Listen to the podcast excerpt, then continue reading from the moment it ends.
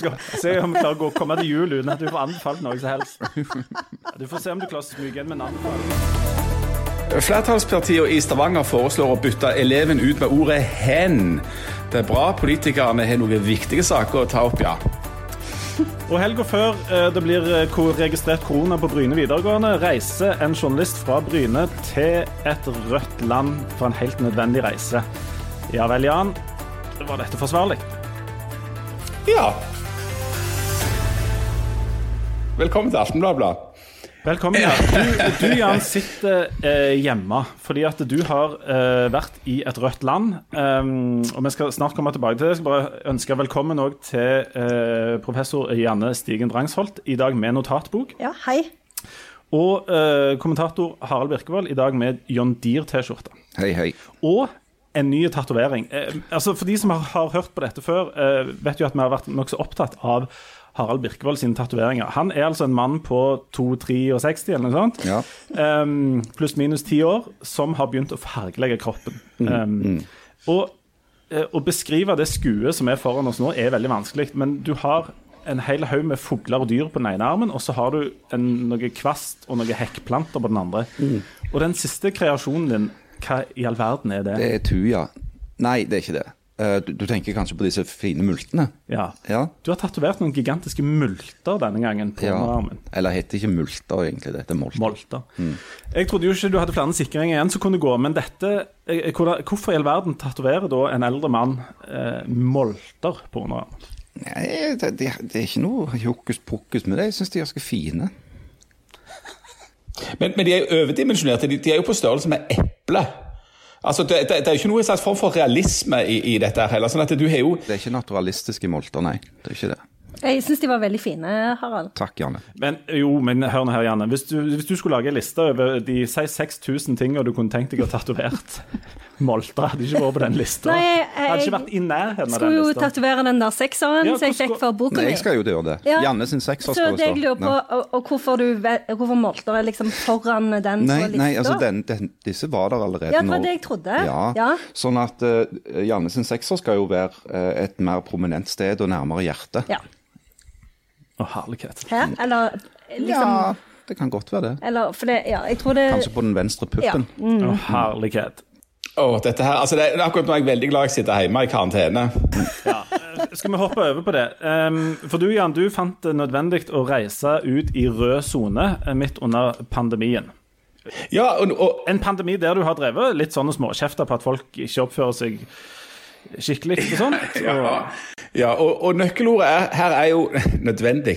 Altså, eh, Kanskje for en av de første gangene i denne pandemiperioden så har jeg eh, måtte ta stilling til de, at det er blitt litt sånn komplisert. Fram til nå så jeg syns det var ganske enkelt å bare eh, være hjemme og, og, og, og vaske hendene og, holde på og ha hjemmekontor og sånn som dette. Men så dukket det altså opp den situasjonen da at Bror min skulle gifte seg, og bror min bor i København. Og Først skulle han egentlig gifte seg eh, 1. august, det var det vi ble invitert til første gang. Og Så kom pandemien, og så avlyste de bryllupet. Og så ble det jo eh, grønt i Danmark, og ting så mye lysere ut, så da fant de ut ok, men da kjører vi likevel. Da bare finner vi en ny dato, og så eh, bestemte de seg for 5. Desember, nei, 5. september. da. Og, og folk reiste til Danmark og åt pølser og koste seg og sånt. Og så har jo denne eh, smitten da økt både her og der, eh, annet i Danmark eh, i det siste. da. Sånn at i de siste ukene fram mot denne nye eh, bryllupsdatoen, 5. september, så begynte jo eh, helsemyndighetene å fargelegge Danmark i all slags farger. Først var det grønt, og så ble det gult, og så begynte det å bli rødt i noen regioner. Og tror du ikke at København og hovedstadsområdet ble da altså rødt to uker før eh, bryllupet? Og da satt jeg i ei klemme. Er dette en nødvendig reise? Altså en strengt nødvendig reise? For det er jo det myndighetene sier, at du kan for så vidt reise på plasser, men du må vurdere det veldig nøye. og Hvis du ender opp med å reise en plass som er rødt, da må du i karantene etterpå. Og etter ganske mye fram og tilbake og tenking med meg sjøl og litt samtale samtaler med arbeidsgiveren min om eh, dette med heimekontor, så valgte jeg å reise, og det samme gjorde foreldrene mine og søsteren min. Så vi har vært rett og slett i rød sone i København. så, så en tur i selskapslivet i, i København, det er det der, der går liksom grensa for deg når det gjelder helt nødvendige ting. Altså, det må du. ja, Det kommer jo an på hvem som arrangerer selskapet. Hvis det for hadde vært en grottefest i Oslo, så vet jeg ikke om det hadde vært strengt nødvendig reise inn i grottene. Men eh, det er forhåpentligvis ikke så veldig mange ganger at broren min skal gifte seg. Det er den ene gangen, og det er den ene broren. Så da tenkte jeg at det er en strengt eh, nødvendig reise. Men det var jo ingen andre gjester fra Norge da enn den aller næreste familien. Men noe av det interessante er jo da å komme til København og komme til denne røde sonen. Altså der det da sånn som det ser ut fra Norge da, er en pøl av smitte, og der folk raver rundt, eh, og der det er livsfarlig å være. Smittetallet der er jo sannsynligvis ikke høyere enn i f.eks. Bergen eller i Sarpsborg eller Fredrikstad eh, eller noe sånt. Og disse danskene de praktiserer jo enda strengere smittetiltak, viser det seg, enn det jeg er vant med fra Stavanger. Ja, hvordan, jeg, altså, hva er det nei, som er strengere der enn her? For eksempel så er det obligatorisk med ansiktsmasker Eh, ikke bare på flyet, men på flyplassen. Og, altså, å gå rundt på inter, altså, den, eh, international departures både i, eh, på Gardermoen og, og på Kastrup, der det vanligvis er ti milliarder folk, er jo helt surrealistisk nå, for det er nesten ingen folk. Men der må du ha på deg maske. Du må ha på deg maske eh, på all form for kollektivtrafikk. Eh, sånn at jeg hadde på meg eh, sånn her maske da, helt til jeg var oppe på gata i København. Og, og fram til det også er det liksom, det er masse spriting. Det er veldig tydelig markert altså at folk skal gå på ulike sider av ganger. altså sånt, altså Enda mer enn i Norge. sånn at opplevelsen eh, var egentlig at det var enda strengere smittetiltak. Men når du da kommer opp i, på bakken i København, så ligner jo København på seg selv, Og da er livet akkurat likt. Og, og, og, og, alle, eller Der tenkte de liksom at det var noe litt sånn overkill at Norge ser på oss eller denne plassen som så livsfarlig. Sånn at igjen, det som jeg har opplevd mange ganger når jeg har reist til plasser som liksom da er farlige, at når du da kommer til den plassen som liksom er så farlig, og er der på bakken, så viser det seg at det er jo ganske vanlig. Men, men du, du, du, er jo havna i den kategorien med folk som da òg eh, sto i Syden og i Spania og Frankrike og, og rundt omkring, og så sa eh, åh, det føles mye tryggere her enn hjemme i Norge. Fordi rød sone er tross alt rød sone. Eh, eh, Harald eller Janne, kan noen av dere ta jobben med å sable ned eh, Jan sin reise til København? Jeg er rusta. Eh, jeg er det. Eh, at det går an eh, å være så egoistiske og sette hensynet til en liten opptreden i selskapslivet foran folkehelsa. Men igjen, dette viser jo altså her, her, her viser jo Jan Korta hva slags menneske han egentlig er. Ja. Jeg, jeg, bare merker, Jan, at det, når du sier jeg, Hva var det du sa, sa at myndighetene sier? At du, du, kan reise, men det må være nødvendig. Men jeg oppfatter det helt motsatt. Når jeg hører de snakke om dette, så, sier, så hører jeg de si vær så snill, vær så snill og ikke reis. Med mindre du må redde Eller det er for å redde en sånn liten valp eller et eller annet sånt. Ja, Nå er ikke jeg så opptatt av valper, men jeg er opptatt av å redde familien. på en måte. Og, og, så, så de, de, sier jo 'vær så snill, ikke reis' hvis det ikke er en strengt nødvendig reise. og Derfor så havner en jo i den, den skvisen. Er det en strengt nødvendig reise å reise i bryllup til bror sin? Er det en strengt nødvendig reise å fylle opp eh, fryseboksen med eh, billige kjøttdeig og noe sånn her eh, øl? Eller å få sol på kroppen eh, i Spania? Altså, det, men det, det, er dette dilemmaet vi havner oppi. Jeg reagerer ja. spesielt på én ting når du sier at han skal sannsynligvis bare gifte seg én gang. For hvis han er en normal ja. mann, så skal han gifte seg en gang til. Det, ja, det, er jo litt sånn Hvis du, ja, ja, hvis du skulle bli invitert i, i, i, bryllup til Harald Birkvold, så kan du bare si at jeg kanskje den dagen, men kan komme i neste. Ja, for, for eksempel. Men, men, du, hør nå her, Jan. Alvorlig talt. Bror din hadde jo blitt like mye gift om ikke du kom der. Regner, eller hadde du en veldig sånn sentral rolle i dette bryllupet? Uh, på noe vis uh... Ja, altså litt ja, litt, litt, ja, men litt pga. at det jo da ikke kom noen andre fra Norge, så, så ble jo jeg eh, forfremma noe voldsomt i løpet av veldig kort tid. Så to dager før når jeg da til slutt bestemte meg, for jeg, for jeg så jo smittetallene For det er det som også er interessant med, med, med rød sone. Hvis noe er rød sone, så betyr det at det er mer enn 20 personer per 100 000 eh, som har blitt smitta i løpet av de siste 14 dagene. Eh, for København sin del, når jeg reiste, så var det tallet sånn 23 cirka, altså 23 per 100 000. Men Spania er jo også rødt, men der er det jo liksom 300 per 100 000. Altså, det var jo langt altså, Rødt betyr alt fra 20 til 1000 smitta per 100 000. Så det er jo en, en sånn gradsgreie. Men, men, siden det da ikke var noen andre som reiste, og jeg bestemte meg to dager før at vet du hva, jeg reiser på dette, så ble jeg både toastmaster og plutselig forlover. Så eh, altså Han måtte jo ha noen vitner som kunne på en måte bekrefte at han var faktisk han. Så jeg var egentlig, jeg føler jeg var veldig nødvendig i det der bryllupet. Men, ok, men Harald, du flåste dette her eh, vekk. Men et bryllup i København, eh, kan, vi reise, kan, vi alle regne det som en nødvendig nautsynt naudsynt tur til utlandet? I, og rød sone er rød sone uansett. Ja, han er jo det. Eh, Men så er det jo sånn at en del av oss, som Jan f.eks., har jo eh, en arbeidsgiver som kan legge til rette for at de kan ta den der karantenen i et kontrollert miljø hjemme. Bare smitte sine nærstående. Eh, Og det er jo Da, da mener jeg at det må jo gå an. Altså, Folk får jo vurdere det ut ifra sin egen situasjon og livsbetingelser. Så sånn rød, grønn og gul sone, skal vi bare la folk Altså, så, lenge, så, lenge ikke, altså, så lenge norske myndigheter på en måte ikke kan nekte sine egne innbyggere å reise noe sted, for det er så vidt jeg vet grunnlovsstridig, eh, så, så må de jo da eventuelt erklære unntakstilstand for å, for å gjennomføre et sånt forbud mot å reise. Eh, og det, det kan jo være at hvis du får en sånn ny ekstrem oppblomstring, at det er et tiltak som må til. Men, men foreløpig så, så syns jeg det er helt greit at eh, en opererer med anbefalinger, eh, og, som de nå har gjort. Du, Janne, helt sånn hypotetisk, eh, eller hva skal til for at du tar en tur til utlandet nå? Eh, det må bli, bli eh, grønt, og så må det være sånn at ingen hater på deg for at du har dratt. Sånn som vi gjør på Jan nå? Ja. og jeg, eh, i går så uh, kansellerte jeg eh, høstferien til Hellas. Jeg er veldig bitter. Jeg ble enda mer bitter når jeg hører at Jan har vært i København og spist røde pølser. Så jeg bare, dette får fram alle de der litt sånn gufne sidene i meg. Jeg blir en sånn sur, misunnelig, kjip person. Hvis det er én ting jeg aldri hadde blitt misunnelig på, så var det at noen hadde vært i København. Det er jo du- kjempekjekt. Har, Jeg kan ikke få København?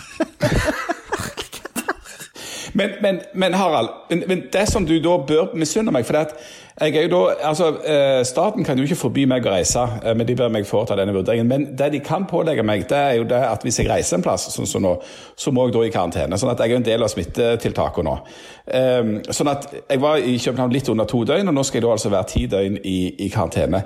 Og det må jo, det jeg tenker på, det må jo være din drømmetilværelse din introverte løgnas. Du, dette er jo helt perfekt. Eh, Jeg, må, jeg, jeg skal ikke se folk, jeg skal ikke være i lag med folk nå på ti dager. Du, du burde jo reist på sånn svippturer både her og der absolutt hele tida for å oppnå dette. her. Jeg, du liker jo ikke folk. Jeg, jeg trenger jo ikke det påskuddet for å holde meg vekke fra folk. Dette, dette, er jo, dette beskriver jo eh, Harald Birkevold sin hverdag, Jan. Men òg Ja, ja, ja. idealstat. Og normalsituasjon. Ja. Ja. Men jeg Jeg går egentlig bare ut for å tatovere meg. Ok, Jan, du, eh, jeg har jo kjent deg i noen år, og hvis det er en ting som kjennetegner deg um, mer enn noe annet, så er det jo din dype mistro til det norske folk og dine medmennesker. Uh, er du komfortabel med at uh, absolutt alle andre òg gjør de samme vurderingene som det du sjøl gjør med å reise til rød sone? Ja jeg, ja, jeg mener at alle som har en bror som gifter seg i en rød sone, bør møte opp i det bryllupet. Det, det står jeg for. Nei. Nei? Men bror Nei, helt næreste familie. Halvbror? Nei, det, det kommer an på hvor høyt smittetallet er. Men søster er ikke bra nok. Nei, nei. nei. Ja, søster da Nei. nei. OK, du um, OK, søster òg, da. Ja, søster òg. Du, um, eh, dette var jo bror din, uh, rockestjerne, som gifta seg. Kan du ta t de topp tre skandalene fra dette bryllupet? For her må det ha vært noe trøkk i trompeten eh, der nede. Gikk folk rundt og slikte hverandre i øynene og, og smitta hverandre med korona og sånt, eller var det andre ting du kan eh, Det var, det, det var en av disse danskene som gikk rundt og nærmest demonstrativt håndhelste på folk. Og det, det, da, det var litt sånn sosialt eksperimentaktig eh, spennende, for å si det sånn. Hva gjorde du da? tok, tok den i neven? Jeg eh, tok den i neven og sprita meg. For jeg kunne ikke, Hva skulle jeg gjøre? Det var, altså, det var en veldig rar, eh, rar situasjon. Men eh, det tror jeg var det nærmeste vi var noen skandaler, egentlig. altså. Så det var, den, det var den største skandalen? Rocken er død. Rocken er død. Ja, rocken er død, altså. Har dere vært i noen bryllup der det har skåret seg skikkelig? Altså sånn eh, Der det er noe å fortelle? Der du kommer hjem og liksom gleder deg til å våkne opp dagen etterpå, der du kan fortelle om et eller annet? Kom igjen, Harald. Norge må du ha. Ja, jeg, ikke, ikke personlig, men, men jeg, jeg, jeg kjenner ei som var i et bryllup hvor bruden sa nei. Nei! Jo, Oi, jeg trodde ikke sånt Ja, skjedde. men venta hun til hun ble spurt? i kirka. Ja, Så liksom Vil du, også Nei. Da spilte hun sammen? Ja. Så ikke før, liksom? Nei. Det er jo litt spesielt. Det er litt spesielt. Jeg, jeg har, um, jeg, altså Fra mitt eget bryllup, det var jo et, et sakralkirkelig bryllup som var ganske sånn enormt koselig og veldig kjekt, men nok litt sånn traust og kjedelig. Men det var, et, det var et skikkelig spenningsmoment der, og det var altså kona mi Vi gifta oss i kirka på Hummersåk, mens kona mi var hos frisøren i Stavanger. Som jo er et stykke. Sant? Det er jo så langt at ungene mine blir bilsyke på veien inn til farmor og farfar. og sånt. Mm. Um, men hun var hos den frisøren, og det var en sånn frisør som var god i drøsen, så ting tok litt tid. Og så skulle hun da kjøres fra frisøren til kirka i en sånn gammel eh, bil. Um, og alt tok litt for lang tid. Så når klokka var sånn fem minutter før hun skulle være i kirka, så ringte de og sa at nå kjører vi fra frisøren i Stavanger. Og da tar det jo nødvendigvis en halvtime å komme til Hummersåk. Ja, det gjør jo det. Så, og, og, de ringte da til meg, og så sa jeg ja, ja, dere får bare komme når dere kan komme. Og så viste det seg at den bilen de skulle kjøre i, eller det var gjerne et kvarter før, sånt, den bilen de skulle kjøre i, var et sånn, en gammel, staselig bil, men den kunne ikke kjøre i mer enn 40. Nei. Så han, han, sjåføren som skulle kjøre den bilen, han vågte ikke kjøre på motorveien. Så han måtte ta den såkalte gamleveien. Sånn midt på dagen en lørdag. Så de klarte jo å stable dette, denne bruden inn i denne bilen, som kjørte da i et slags 40-45 langs Gansfjorden rundt. Um, og det var kun meg og forloveren min og presten som visste at de var for seine. Så når klokka ble to, eller hva det var, og det kom ingen så tenkte vi at ja, ja, vi får, eh, vi får i hvert fall lage litt show ut av det. da. Så meg og han begynte å se på hverandre og, begynte å hviske og gjøre litt sånn håndbevegelser. og sånt. Hvor er hun? Og, og sånn. Og, og tida gikk, og tida gikk, og tida gikk. Og det begynte å, og det summa litt sånn i kirka, så ble det roligere og roligere. roligere. Og jeg begynte å late som jeg tørkte svette, og liksom gikk sånn urolig rundt og prøvde og tok opp telefonen og lata som jeg ringte. Altså holdt på sånn. Og etter altså 25 minutter for seint så gikk dørene opp, og der kom hun. Og da var det nok mange som, had, som satt og tenkte ja, hun tok ved til slutt, ja. Hun tok TV, ja. Mm. Så det er den største skandalen jeg har vært borti. Kan jeg òg fortelle noe fra Ja. bryllupet mitt? Gjør det. Ja. Mange, har du bare ett bryllup? ja, jeg har bare ett. Eh, Kjedelig. ja, men du har jo ikke hørt historien ennå. OK. Eh, vi gifta oss i Paris helt alene på ambassaden. Og så, når vi hadde gifta oss og gikk ut, så så vi Roman Polanski som sto og tok ut penger fra en minibank. Og dette var jo veldig stort, så vi ble stående liksom litt ved sida av. og, og snakket om vi skulle våge oss å ta bilde eller ikke. Eh, men så ble han så sykt redd. Eh, Polanski? Fordi, ja, fordi han trodde vi skulle rane han eller noe, for han skulle ta ut ganske mye penger. Ja, du Så ser jo ganske skremmende ut. Så han gikk bak et tre, og så sto Og så sto han der og så telte pengene sine. Så du har skremt Roman Polanski? Det er ganske bra. I, I en slags brudekjoleaktig sak. 1,60 et eller annet med ren frykt fra Sandnes.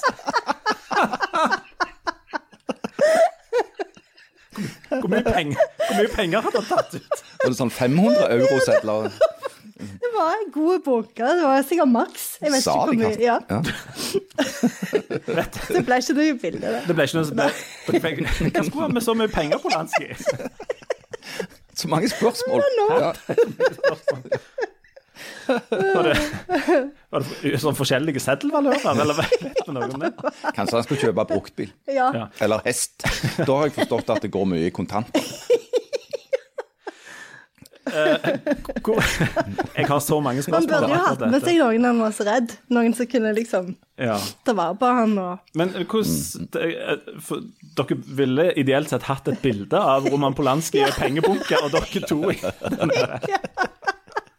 Det hadde vært et, et, bry- et bryllupsbilde for historien. Og her, unger, her er Roman Polanski sammen med mor og far. For vi så den der Once Upon a Time in Hollywood eh, i helga, og da eh, er jo Roman Polanski liksom litt med i den. Ja, for det er hans hus. Ja, nemlig. Og da hadde jo ungene syntes at det Da syntes jo de det var kjempekult at vi kunne fortelle den gøye Roman Og Polanski-historien. Hvor, hvor, hvor store unger er det du har? Nei, 17. eh, 17 til Ja, Da kan de se den. Ja. 14. Ja. Men ikke minst, tenker jeg, for en opplevelse vært for Roman Polanski fått få vært med på det piletet. Ja! Ja. Hvordan skal vi komme oss videre herfra? Er Hvordan skal vi komme oss videre fra? Men, men jeg, vi, vi kan komme oss videre med at jeg kan svare på det spørsmålet dere ikke stilte, nemlig at jeg er frisk og fin og ingen som var syke. ja. Og det der Ja. med, For, for, jeg vet jo at dere, det dere framfor alt føler inni dere, det er omsorg for meg. Hvordan går det med han, stakkar? Men det går fint. Det går fint. Vi kan jo se deg der på dataskjermen, vi ser jo at det går fint. ja. Ja. Du ser jo litt sliten ut, men det gjorde, gjorde du på konfirmasjonsbildet ditt òg, så det er mer sånn gen, type genetikk. Jeg konfirmerte meg ikke. Jeg trekker det tilbake. Um, nei, men du, um, eh, du har jo hatt eh, Du, Jan, har jo da god tid til å sitte hjemme og irritere deg over ting. Um, og uh, du har vel funnet en ny ting som du irriterer deg litt sånn så smått over. Og dette har vi diskutert tidligere. Um, en ting som jeg personlig syns er ganske vanskelig, men det det er bruken av dette um, hen. Altså noe midt mellom han og hun. Og her eh, har vi med oss Når vi har med oss eh, professorkraft Og vi bare understreker at du ikke er språkprofessor, det fikk jeg voldsomt kjeft for i en sånn intern Alle eh, tror at jeg er det. ja. Hva er du professor i, egentlig? Litteratur. Ja. ja, ja, det er i hvert fall nyttig. Ja, Ja, og, det, og, det, og, det er fall- og det er jo ingenting med språket. Litteratur er ingenting med språket. Nei, nei, nei. Det er noe helt annet. Det er- som å sammenligne på en måte medisinsk eh, etikk med, med, med sveising. Altså, det er helt forskjellig. jeg skal ikke tulle med forskjellen mellom lingvistikk og litteratur, ja. Absolutt ikke. Folk har tult med det før. De er døde nå. er jo, handler vel om å få frakta varer fra A til B, men språk handler om uh, ting som vi, vi sier. Ja. Men ok, du er, jo, du er jo i hvert fall den, um, den av oss som er professor, så da, da må vi jo ty til deg når det gjelder dette, dette hen. Uh, oppsparket her, Jan, er at uh, det er forslag om å innføre det i Stavanger-skolen, ikke sant? Ja, I et eller annet slags reglement. Da er det da altså Erik Farah Sakariassen fra SV som har foreslått at eh, en skal bytte ut han og hun i eh, reglementet for Stavangerskolen med ordet 'hen'. Eh, og Dette er nå da sendt ut på høring. Eh, det har så langt fått eh, flertall ifra eh, partier, altså det er vel Ap, SV, Folkeaksjon mot bompenger de eh, stilte seg bak dette. Venstre og ja, vet ikke hvem var det, er flere da, Rødt. Ja, MDG og Rødt. Ja, mens eh, Frp og Høyre er vel de som har eh, sagt nei takk. Akkurat. Um, Ja, Jeg har en rant her på et eller annet tidspunkt, men du får bare si når vi skal ta den. Da skal vi først, uh, først ta omveien om universitetet, som jo på alle måter er en omvei. Sitter så langt inne i universitetet at du mener det er forskjell på logistikk og språk, var det du sa? Ja, det var akkurat det. Ikke sant? Ok, uh, men uh, du- kan vi få en liten kort innføring i Ja. dette hen? Hen er jo et pronomen. Eh, Et kjønnsnøytralt pronomen. Og kjønnsnøytrale pronomen det er jo faktisk noe de har i mange språk, f.eks. tyrkisk, men ikke på norsk har vi det. Eh, og Det som òg er litt sånn tøft med pronomen, eh, det er jo at det er jo sånn en lukka, en lukka ordklasse. Så det er veldig sjelden at det kommer nye pronomen inn i språket. Nesten aldri. De er litt sånn gatekeepers. Mens verb og substantiv og sånn, det er jo sånn som kommer inn nye i språket hele tida. Så derfor er det jo litt sånn radikalt å foreslå eh, et nytt pronomen, og ta inn et nytt pronomen inn i språket. Men det som er fordelen med det, det er jo at det skal jo brukes i situasjoner hvor, det, hvor kjønn er irrelevant. Hvor det liksom ikke har noe å bety. Så det er jo bare en praktisk ting, egentlig, at du slipper å skrive han og hun, eller at du slipper liksom å Vedkommende eller ja, lignende Ja, sånt. så det, da kan du bruke hen. Så eh, det var min korte forklaring eh, på det. Men så er det jo eh, mange eh, som eh, blir veldig sinte på dette, fordi at eh, de mener det er en del av dette her krenkelseshysteriet og denne her politisk korrekthet-bølga.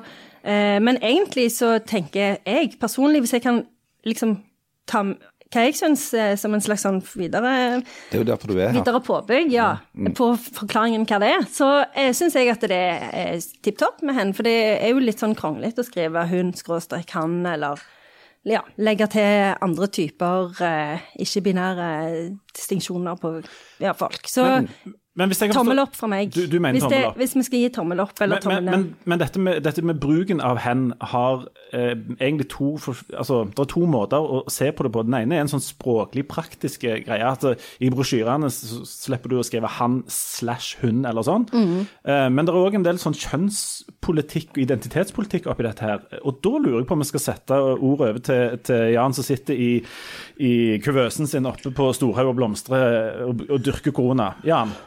Ja, for etter å ha hørt på den politiske korrekte akademikeren nå, så er det viktig at vi får, får, får inn realitetene her. Ja, nei, jeg, jeg syns jo dette er utrolig dårlig forslag, og jeg, av mange forskjellige grunner. Og jeg tror at dette er noe av det som er med på å øke politikerforakten, rett og slett. Jeg tror dette er Eh, ikke eh, lurt av eh, Eirik Farah Sakariassen og, og disse flertallspartiene å sette i gang med.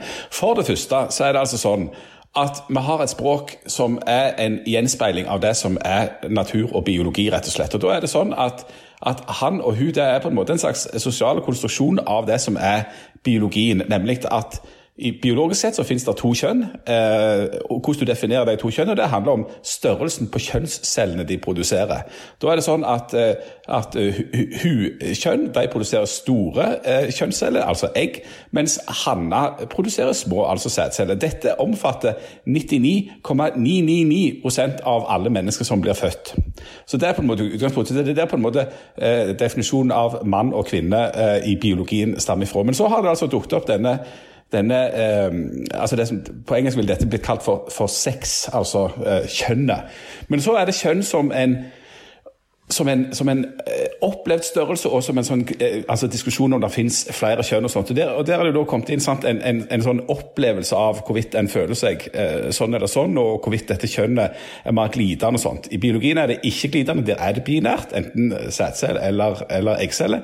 Men i, i, i, i, samfunnet så er det litt mer i flyt. Og det er det dette er et resultat av når en vil begynne å endre språket, fordi at en vil ha språk til å reflektere at det da skal være noe mer glidende så er det sånn at hvis det skulle være et overgrep mot den 0,1% som ikke kjenner seg igjen i hun eller han, hva slags overgrep er det mot de 99,9% som kjenner seg igjen i hun og han, hvis du skal innføre et ord som hen, som ingen av de kjenner seg igjen i, altså eh, som ikke er en refleksjon av det. Og så syns jeg at det språklig sett er, er, veldig dårlig. og Der syns jeg at det er veldig ille at kommunen eh, ved et eh, miniparti som SV skal begynne å drive med språkpolitikk og ikke høre på ekspertene i Språkrådet. For det er jo altså sånn at ordet 'hen' det eksisterer ikke i ordbøkene. Eh, Språkrådet anbefaler ikke å bruke det, bl.a. fordi at eh, å, bringe inn nye pronomen eh, det er en lukka gruppe. Dette er ikke et språk som er brukt i dagligtalen. Og så kommer siste poeng. Det finnes så mange politiske spørsmål og problem som folk opplever på kroppen, spesielt innenfor skole i denne vanskelige tida som vi lever i.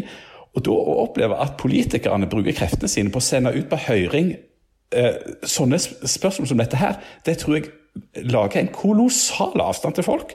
Det skaper større politikerforakt, og folk bare tenker 'herregud, for noe vas'. Og så er det sånne kommentatorer og politikere og sånt som holder på på et helt annet nivå, og eh, nei takk. Kan nesten få inntrykk av at Jan Sahl er litt negativ til dette med hen. Du nevnte, du nevnte uh, kommentatorene. Mm. Harald Birkevold. Ja. Hen, ja eller nei? Uh, jeg er litt enig med Janne Stigen Dramsholt, professoren altså, mm. i rommet. fordi at uh, det er to dimensjoner med dette. her, og Det ene er den der rent, helt sånn praktiske. jeg synes jeg har selv irritert meg lenge over at når du sitter og skriver, når du, når du opererer skriftlig, så er det veldig dustete å hele tiden måtte skrive han eller hun han slash hun. Eh, sånn at jeg ser ikke det for så vidt noen problemer med å ha et kjønnsnøytralt pronomen, fordi at det bare, det bare løser det problemet der og da. Men samtidig så ser jeg jo, siden jeg er kommentator, så ser jeg jo òg at uh, Jan har et poeng i at bruken av hen òg har en sånn en, en, en, mer sånn ideologisk overtone, da. Uh, at det går inn i den generelle identitetsdebatten som, som dessverre hjemsøker oss. Uh, og jeg er sikker på at Jan har rett i at dette vil bli mm, eh, på en måte kontroversielt, fordi at en del folk òg ønsker å bruke dette som et argument i en sånn debatt. Uh, både på den ene og den andre siden. Og det er litt dumt. For det at jeg, jeg syns at i alle fall skriftlig Jeg tror aldri at jeg ville ha brukt hen muntlig. For det går relativt fort å si han eller hun. Men skriftlig, derimot, så hadde jeg syntes det var helt OK, faktisk. Det er jo ikke helt uoverkommelig å skrive han slash hun heller. Nei, men det er Nei, men det er liksom ikke, det er ikke, ja, det er rotete, og det ser ikke spesielt fint ut. Nei, Sånn- og så Dessuten så tenker jeg at det, eh, sånn så når, eh, hvis du går f.eks. 15-20 år tilbake, så var det jo sånn at en oftest skrev I hvert fall når jeg studerte, så var det jo oftest sånn at en skrev brukte han, pronomenet han. Så det med hun, han, det er jo noe som har kommet inn i språket eh, nylig. Eh, og det er jo ikke alle som bruker det. Og da tenker jeg at det er fint hvis vi kan bruke hen i stedet, så får du en mer eh, inkluderende måte å skrive på.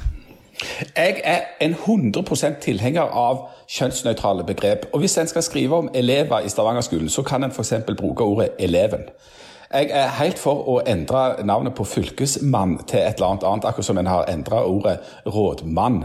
Men, men bruk noen ord som finnes og som er dekkende for det som, som er og som er kjønnsnøytrale. Altså sykepleier istedenfor sykepleierske, lærer i plassen for lærerinne, alt dette greiene her. Men, men å konstruere ord og, og, og få inn ord som, som som ikke blir brukt, som er en ren konstruksjon, og som er en sånn eh, markør av, av et eller annet, og som i sin velmenenhet og eh, ender opp med å bli helt corny, det er veldig dumt. Og så, og så havner en veldig fort i et sånn her, en litt sånn dilemma. For det skal bli spennende å høre se i de der høringene om det er noen som, som sier at dette syns de er en kjempedårlig idé, selv om de innerst inne mener det. For at du risikerer òg veldig fort å bli plassert i en sånn bås som, som at å ja, så du er imot eh, de som, eh, eh, som ikke føler seg hjemme i dette, og du er imot på en måte minoritet eller imot et eller annet sånt. Ja, det er jeg helt, det, det er det helt enig med deg i det, Jan. At dette, det er derfor jeg sier det jeg sier, at dette kan bli på en måte misbrukt da, i gåseøyne av ideologer på begge sider av denne her eh, kulturkampen som det er. Og Hvis du ser litt over Atlanteren, så ser du at i, i USA så er det nå, har de gått et hakk videre, selvfølgelig, som de alltid gjør, og bruker nå pronomenet they. Eh, For òg å inkludere de som er eh, ikke-binære, altså som har eh, flere kjønnsidentiteter. For, altså, du, du kan komme opp i noen helt utrolige konstruksjoner for å ikke risikere å støte noen. Eh, og det blir jo litt eh, vrient etter hvert, da. Og, og det, det, altså Selv om du gjerne ikke er språkprofessor, men bare politisk korrekt eh, litteraturviter, eh, så, så er det jo sånn at, at språket konstruerer jo virkelighet. sant? Altså, altså Språket er det vi bruker for å, å tenke om og definere virkeligheten. Og ord har blitt enormt viktige. Eh, og, og der ser vi jo på altså i Amerika da, sant? Altså hvordan en skal omtale eh, svarte folk. Det er jo blitt veldig viktig sant? For, for jeg, jeg vet ikke om jeg, om jeg kan si svarte nå, eh, eh, for det er, jo hele tiden i endring. Men sant? Altså, altså Måten en definerer språk men, eller altså definerer virkelighet på gjennom språket. Og så, er det sånn at i redsel for å si et eller annet feil, eller bruke et eller annet feil ord, så kan det gi seg altså komisk utslag. Nå heter det vel vertikalt utfordra, er det ikke det det heter nå, hvis den ikke er så høy? For, for det er ikke lov å si dverg. Hvorfor ser dere på meg? jeg Så ikke på deg. Ja, ja, ja, du, er, du er jo litt vertikal. Men, men er men- Jeg ikke tenkte på det bildet med han Polanski igjen. Han er vel heller ikke så høy. Nei, han er faktisk omtrent på min høyde. Nemlig, så da hadde du hatt litt sånne utfordringer. Ja. Men, men, men, men, eller, eller, eller melaninrik. Altså, men jeg syns at språket skal være forståelig. At det skal basere seg på det som folk forstår. Jo, jo, men eh, det skal jo eh, Men, men samtidig eh, er det jo sånn at språket er i endring, og skal være i endring. Og jeg syns jo ikke det er så utrolig komplisert å endre og, og være med på den endringen. Og, og det er jo sånn at det, altså, språk er jo nettopp makt. Eh, og språk eh, fungerer jo altså Uansett om du er en fireåring som skal prøve å få tak i is, eller om du er en eh, eldre person som prøver å få deg en jobb, så er det jo sånn at du bruker jo språket for å få et eller annet, eller for å markere deg sjøl, eller få en eller annen sånn posisjon i samfunnet. Og det er jo mange ganger opp gjennom historien at en har opplevd at et eller annet problem ikke har et navn, fordi at samfunnet har endra seg, men språket har ikke endra seg i tråd med samfunnet. For eksempel, eh, eh, så, eh, på 50-tallet så så en jo sånn en enormt stor oppblomstring av depresjon blant middelklassekvinner i USA. Og det ble jo omtalt som 'the problem without a name' lenge, fordi at det, det var ikke språk for å definere hva det var som skjedde. Det var ikke språk for å liksom uttale dette her med at de var deprimerte fordi de ikke fikk lov å jobbe og på en måte skulle være fornøyde med å ha et nytt kjøleskap. Så det er jo, det er jo masse eksempler på det opp igjennom at språk på en måte har vært et problem fordi en ikke har hatt ord for å for å snakke om det som skjedde der og da. Og, og jeg syns ikke, ikke det er problematisk i det hele tatt med, med, med hen. Jeg syns ikke det er støtende for noen. Og jeg syns heller ikke at det er noe sånn eh, problem at de tar det opp politisk. Det er jo ikke akkurat som det, liksom, de må bruke tre måneder med å bare jobbe med dette for å få det gjennom. Men hvis, hvis, språk er makt, og hvis politikk er makt, og hvis det er sånn at noen føler at det på en måte uh, blir utøvd makt overfor uh, dem hvis de blir plassert i kategoriene han eller hun, som altså da biologisk sett omfatter 99,999 av prosent av alle folk. Men la oss si at det er, litt, at det er 1 som, som ikke føler seg hjemme i hun og han. Hvis da politikere i Stavanger utøver den politiske makten og den språklige makten det er å definere de 99,1 eller 99,9% som ikke definerer seg som hen. At en plasserer de inn i den kategorien hen som de ikke kjenner seg igjen i. Hvem er det da som har på en måte blitt eh, utsatt for et slags sånn språklig maktovergrep? Og hvordan skal du da kunne si, jeg, altså, du kunne si at, at det, du ikke syns det er et problem at noen av de måtte føle seg ukomfortable med det? Hvis det er sånn at vi skal ta det på alvor, hvis det er noen som føler seg ukomfortable med å bli kalt for han eller hun? Ja, men jeg tror at Problemet her, Jan, det er at du ser på dette kun i en sånn identitetskonflikt, eh. Mens jeg og Janne ser på det mer i en altså i en språklig Nei, altså rett og slett som et praktisk problem. Uh, så du ja, kan ja, altså an, an, Antall tegn som skal skrives ned når du skal skrive kommentar. Altså, han liksom. eller hun hele veien. Men, men du, han... ja, men skriv, eleven, da, for svarte. Nei, men du, hør, hør, hadde vi hatt den eh, den debatten om den praktiske bruken hvis ikke det hadde vært for, for, den identitetsdebatten, er ikke dette her det, Jo, det henger sammen. Det henger, det henger jo helt klart mm. sammen, dette her. Ja. Og, og det, har jo ikke oppstått en, en sånn en, en slags sånn bevegelse, en vekkelse, der folk har blitt så ekstremt opptatt av de personlige pronomenene i det siste. Det er jo ikke der dette, dette kommer fra. Dette handler jo om en ganske stor sånn identitetsdiskusjon eh, og debatt og ganske sånn betente greier, gjør det ikke det? Det er jo der det kommer jo, fra. Jo, men det er jo ikke snakk om at du skal identifisere deg som hen som menneske. At, det skal liksom, at dette er sånn ledd i en sånn ideologisk kamp for å utjevne alle forskjeller mellom biologisk kjønn. Det er jo bare snakk om å inkludere. Det er jo det det er. Det er jo et ord som inkluderer alle, og som brukes i dokumenter hvor kjønn ikke er spesielt viktig, men hvor en liksom inkluderer alle de kjønnene som finnes, enten det er snakk om sex eller gender, da. Det inkluderer 0,1 og så ekskluderer det 99,9% Nei, det gjør jo ikke det, ja. Det gjør jo ikke det. Jo. Det skjønner til og med jeg, og jeg er ikke så god på prosentregning. Du er ikke professor i prosentregning? er du Det er nettopp det Dette viser jo hva som skjer når folk, eh, middelaldrende menn blir sittende hjemme altså, i sånn oksygentelt. Da, da går det en kule varmt. Men det er derfor jeg mener internett bør være behovsprøvd. For det at de får for rett og slett for mange inntrykk. Ja, jeg er han der, er han der i kommentarfeltet nå. Ja. Men, det, men, du, det, det, dette her tror jeg Jeg mener at dette er en sånn en ting som eh, Det er interessant å diskutere det litt sånn på, på overflaten og prinsipielt nivå og sånn. Men hvis, hvis du, Jan, var for eksempel, Si at du reiste til en rød sone for å delta i selskapslivet i, i, i ja, si København, da. Så plutselig så dukker sier Roman Polanski dukker opp. og så sier han eh, at han foretrekker å bli kalt for deg. Eller si at det er noen du kjenner, da. Si at det er et søskenbarn eh, eller en eller annen som du har en sånn skikkelig nær relasjon til, som sier at vet du hva, jeg foretrekker hen, fordi at det, dette er greiene jeg er usikker på. Hadde du, hadde du liksom smelt den samme argumentasjonen i, rett tilbake til vedkommende da? Ja. Og så hadde jeg kalt Roman for Roman, og så hadde jeg kalt søskenbarnet for navnet sitt. For, for, for, for her, ligger det, her, ligger det, jo et himla dilemma. Jeg, jeg, mener at det var dette som gjorde at, eh, at Jordan Peterson først havna i, i, trøbbel. Fordi han nekta å kalle folk for they på uh, forelesningene sine. Dette er tatt litt sånn etter minne, da, men, men, um, men, men det, der òg er det en sånn enormt sånn komplisert greie. For hvis, hvis hvis du da altså har et språk, da, eksempel, ja, et språk, som, som har noen ord for eh, noen ting, og så er det eh, dette, ja, Det er jo litt sånn denne Monty Python, forresten. Eh, I want to be called Loretta. I want to be called Loretta. sant? Eller ok, hvis du, hvis du vil kalle deg for Loretta, da, da, kan jeg godt kalle deg for Loretta. Altså, Jeg kan kalle deg for navnet ditt. Men, men, men uh, Nei, det er klemmende, det, altså.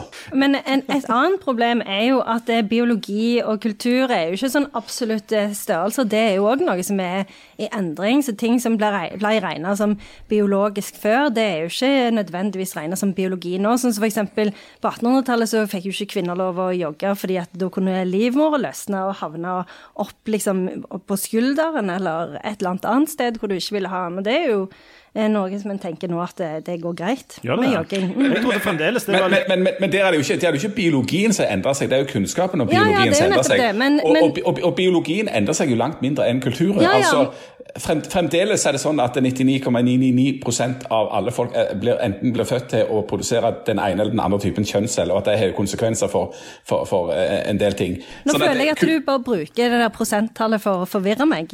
Men det er et kjempebra prosenttall. men, Og det er ikke sånn at, at det rett og slett folk har fått bedre sånn livmorfeste? At det har utvikla seg, at de står med Nei, nei, men det er jo nettopp det. Det er jo nettopp det, altså Kunnskapen om biologi Altså Det som, er, det som blir regna som biologi i dag, det er jo ikke sikkert det kommer til å bli regna som biologi om, om 100 år. En må jo være litt sånn åpen i forhold til dette med kunnskap òg. At, det- at sånn som eksempel naturen i England, det som en regner for naturlig natur, det har en jo funnet ut egentlig er kulturnatur. Fordi at det, det er, har vært mennesker der så lenge at det er ingen naturlig natur i England lenger. Er det ikke natur i England? Nei, det er bare kulturnatur. Det er, det er omtrent ikke natur i Norge heller. Nei. Klart Men det er en helt annen podkast. podcast. og- Ja, jeg, jeg har vært ute i naturen jeg flere ganger. Ja, du tror, du tror du har vært det. hvor jeg har vært da? Nå har du vært i kulturen. Du har vært i kulturen. Hører du dette, Jan? Det er galskap. Ja, det, det, det, det flyter av gårde i, feil retning når jeg ikke er der. Jeg merker det. Var det, var, var, det noen, var det noen natur nede i rød sone, eller var det bare kultur der? Der var det bare kultur. Det var et urbant landskap, ikke en skog. Akkurat. Eh, Så du Roman Polanski der nede, eller noen som kan, kan ha ligna på Roman Polanski? Eller, Jeg syns det var skuffende få eh, kjendiser. Altså, Jeg pleier alltid like når jeg kommer, kommer til utlandet, enten de er røde eller blå eller grønne eller gule, at jeg liksom får sett en, en, en kjendis. Og Sist gang jeg var i København, så møtte jeg på han, han ikke han Frank Wam, altså han klovnen i Klovnen, men han andre Kasper. Han møtte jeg på i grønnsaksdisken på Føtex, og da ble jeg så starstruck over bananene at jeg visste ikke hvor jeg skulle gjøre sa av du meg. noe? Nei, nei, nei, jeg sto bare der som en idiot. Jeg vil også Eh, ja, Cameloso. Og så, så, men denne gangen så, så jeg ingen andre kjendiser. Den største kjendisen jeg så, var min egen bror. Det må ha vært, det må jo ha vært en enorm tur. No offence til, til familien Zahl, men Ja, jeg beklager det. Men eh, um, ja, så, så, så det var Men vi, var jo ikke så mye ute. Det var, det, ja, eh, det var veldig lite å se til Roman Polanski. Hvis dere hadde uh, gifta dere, kommet ut fra eget bryllup, og der sto, sto Geir Zahl og tok ut penger fra minibank, hadde dere, hadde dere jobbet hardt for å prøve å få ham med på et bilde med brudekjole? Ja, jeg hadde det. Iallfall hvis han hadde enormt mange sedler i hendene. Men hvor mye penger måtte han hatt? Det måtte jo vært en anselig bunke, da. Ja, jeg vil ha et beløp. Jeg snakker med Hvor mye kan du ta ut av en minibank, egentlig? Uten Ganske mye. Eh, 100 000, liksom? du, ja, jeg tror det. Jeg, tror Ja. det. Kan du ta ut 100 000 i en Jeg, jeg regner med det. Jeg, det så ut som jeg hadde er mye, sånn fryktelig mye penger. Eller du må gjøre det i sånn- mange omganger, da. Ja, det er sant. Ja, Det er sånn grense på det kortet. Før var det sånn ukesgrense på 3500. Men jeg vet ikke Men hvis du er Roman Polanski, så har du sikkert en høyere grense, Ja. tror du ikke det? jeg skulle akkurat til å si det. Altså, jeg, jeg vet jo ikke, kan jo ikke så mye om Roman Polanski, men at han skal ha ei øvre grense på visakortet sitt på 3000 i, i måneden, f.eks. Han Jeg ikke kan, kan ikke forestille meg. Nei. Hvis dere skulle tippet hva grensa til Roman Polanski er på visakortet Og jeg vil si pluss minus 5000 I meg- uka. i uka, ja. I uka. Ok, Bare si at dere er Roman Polanski, og så går dere til banken. Dere er Roman Polanski, og, skal, og så spør de Du, Roman, hva skal vi sette grensa på? Her?» Hva tenker dere er fornuftig? Fornuft har vel ikke så mye med dette å gjøre. Men jeg, jeg, jeg, Nei, vi, vi er forbi det. jeg skriver. ja, altså, jeg tror Roman Polanski ville hatt, si, en, en 100 000 euro da i uka. I uka? Ja, det tror jeg. For dette, nå har jo jeg sett den der eh, Quentin Tarantino-filmen, og der ser det ut som Roman Polanski er veldig glad i å bruke penger. Ja. Han, har, han er veldig tidlig med å ha en sånn en eh, automatisk eh, sånn fjernkontroll til porten. Ja, det er sant. Ja. Og det, det er ikke billig. Det var billig. ikke billig, Nei. det på slutten av 60-tallet. Nei. Altså. Det var Nei. ikke det. Nei. Men, men altså at du skal kunne ha behov for 100 000 i uka for å betale for den der Cash. porten Cash. Ja, det er forfallende. Jeg kan, ikke, jeg kan ikke se det for meg. Du Jan, du figurerer vel på alle bryllupsbildene der nede, siden du var både toastmaster, forlover og Måtte du spille til sangene? Dette var et bryllup uten sanger. Han, eh, I Jan- Danmark Jan- skulle være fest for hele familien. Sal. De skulle, nå skulle Geir få gifte seg, og det er veldig kjekt. Og så må du ha rim med fest og Ja, fest og gjest, ja. For det var det jeg savna. Men var det ingen sanger? Nei, det var en del taler, men det var ingen sanger. Sang han 'Hjerteknuser' til hun danske, eller noe sånt? Nei, han gjorde ikke det. Nei, altså det, Men han talte veldig fint. Men du har jo møtt disse folka. Altså, Leif Tore har jo lagd en lang reportasje i avisa om disse her to folka. For det, det, det, det vakre med dette, bare for å liksom avslutte med det som er den fine profetien, det er at bror min møtte hun her dama som han aldri hadde sett, på en bar for tolv år siden. Og så kom han i snakk med henne. Hun ante ikke hvem han var, han ante ikke hvem hun var, men de snakket. Og idet de gikk ut av den baren, så sa uh, Geir til lydmannen i Keisers Orkestra hun der hun skal jeg pinlig gifte meg med en dag. Og så de hverandre ikke på hvor mange år? Seks år? De trodde aldri de skulle møtes igjen, og så tolv år seinere så gifta de seg. Helt utrolig. Og han som skal lage film om dette, er Roman Polanski. Det skal litt til å overgå dette her neste gang han skal gifte seg. Ja, det, det skal. Skal det? Uh, jeg klarer ikke å stoppe å tenke på det Roman Polanski-greiene. og den Nei, du har blitt helt opphengt i det, du. greiene. Ja, men for en vanvittig historie å ta med i selskapslivet. Det er sånn, når de andre, du sitter bare og sparer hele kvelden, de andre forteller seg tomme, så sier du Vet du hvem som sto og tok ut penger i minibanken når jeg gifta meg i Paris? Jeg, jeg, hadde en, jeg hadde en sånn bryllupshistorie, men jeg bare droppet å fortelle den. Så Den, den får du ta neste gang. sammen Den får jeg med, ta neste gang. Og neste gang så kan det òg være at eh, Janne, vår professor i logistikk, her har en, et veldig behov for å komme med noen anbefalinger. Ja, jeg, Og det får- jeg, jeg har jo en anbefaling nå. Kan, jeg, kan ikke jeg ta den på Jo, Vi kan slutte med en anbefaling. Vi er slutter med en anbefaling fra professor i logistikk i Stigen Drangsholt. For det har jo kommet en sånn ny dokumentarserie om Tottenham Hotspur på Amazon Prime.